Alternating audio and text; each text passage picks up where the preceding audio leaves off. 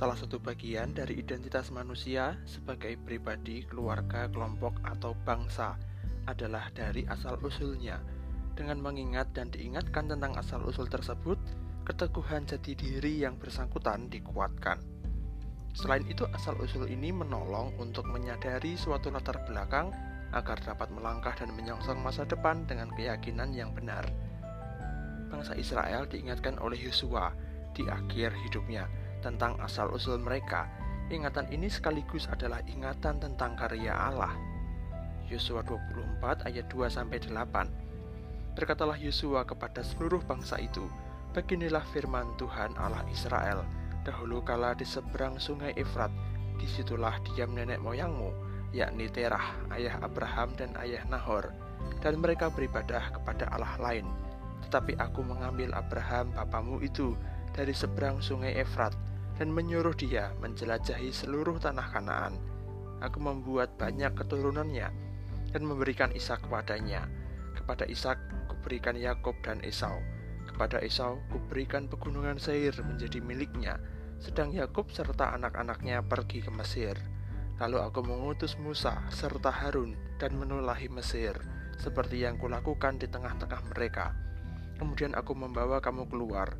Setelah aku membawa nenek moyangmu keluar dari Mesir, dan kamu sampai ke laut, lalu orang Mesir mengejar nenek moyangmu dengan kereta dan orang berkuda ke laut Teberau.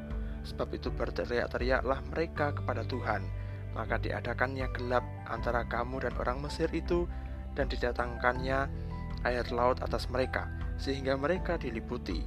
Dan matamu sendiri telah melihat apa yang kulakukan terhadap Mesir.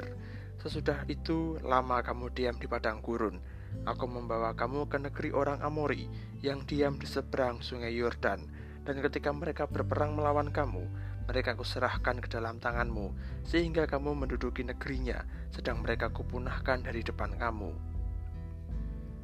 Asal-usul bangsa Israel adalah suatu proses perjalanan bersama, dan oleh karena Allah, mereka diingatkan betapa mereka tidak akan dapat melalui banyak hal jika bukan Allah yang menyertai mereka.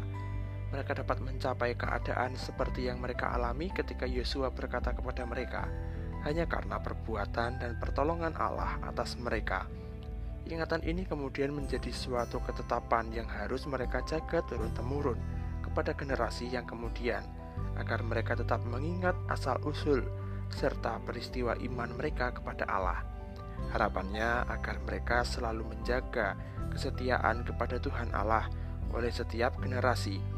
Hal seperti ini juga mengingatkan kita bahwa setiap orang dapat memiliki suatu peristiwa di masa lalu yang menjadikannya seperti sekarang ini.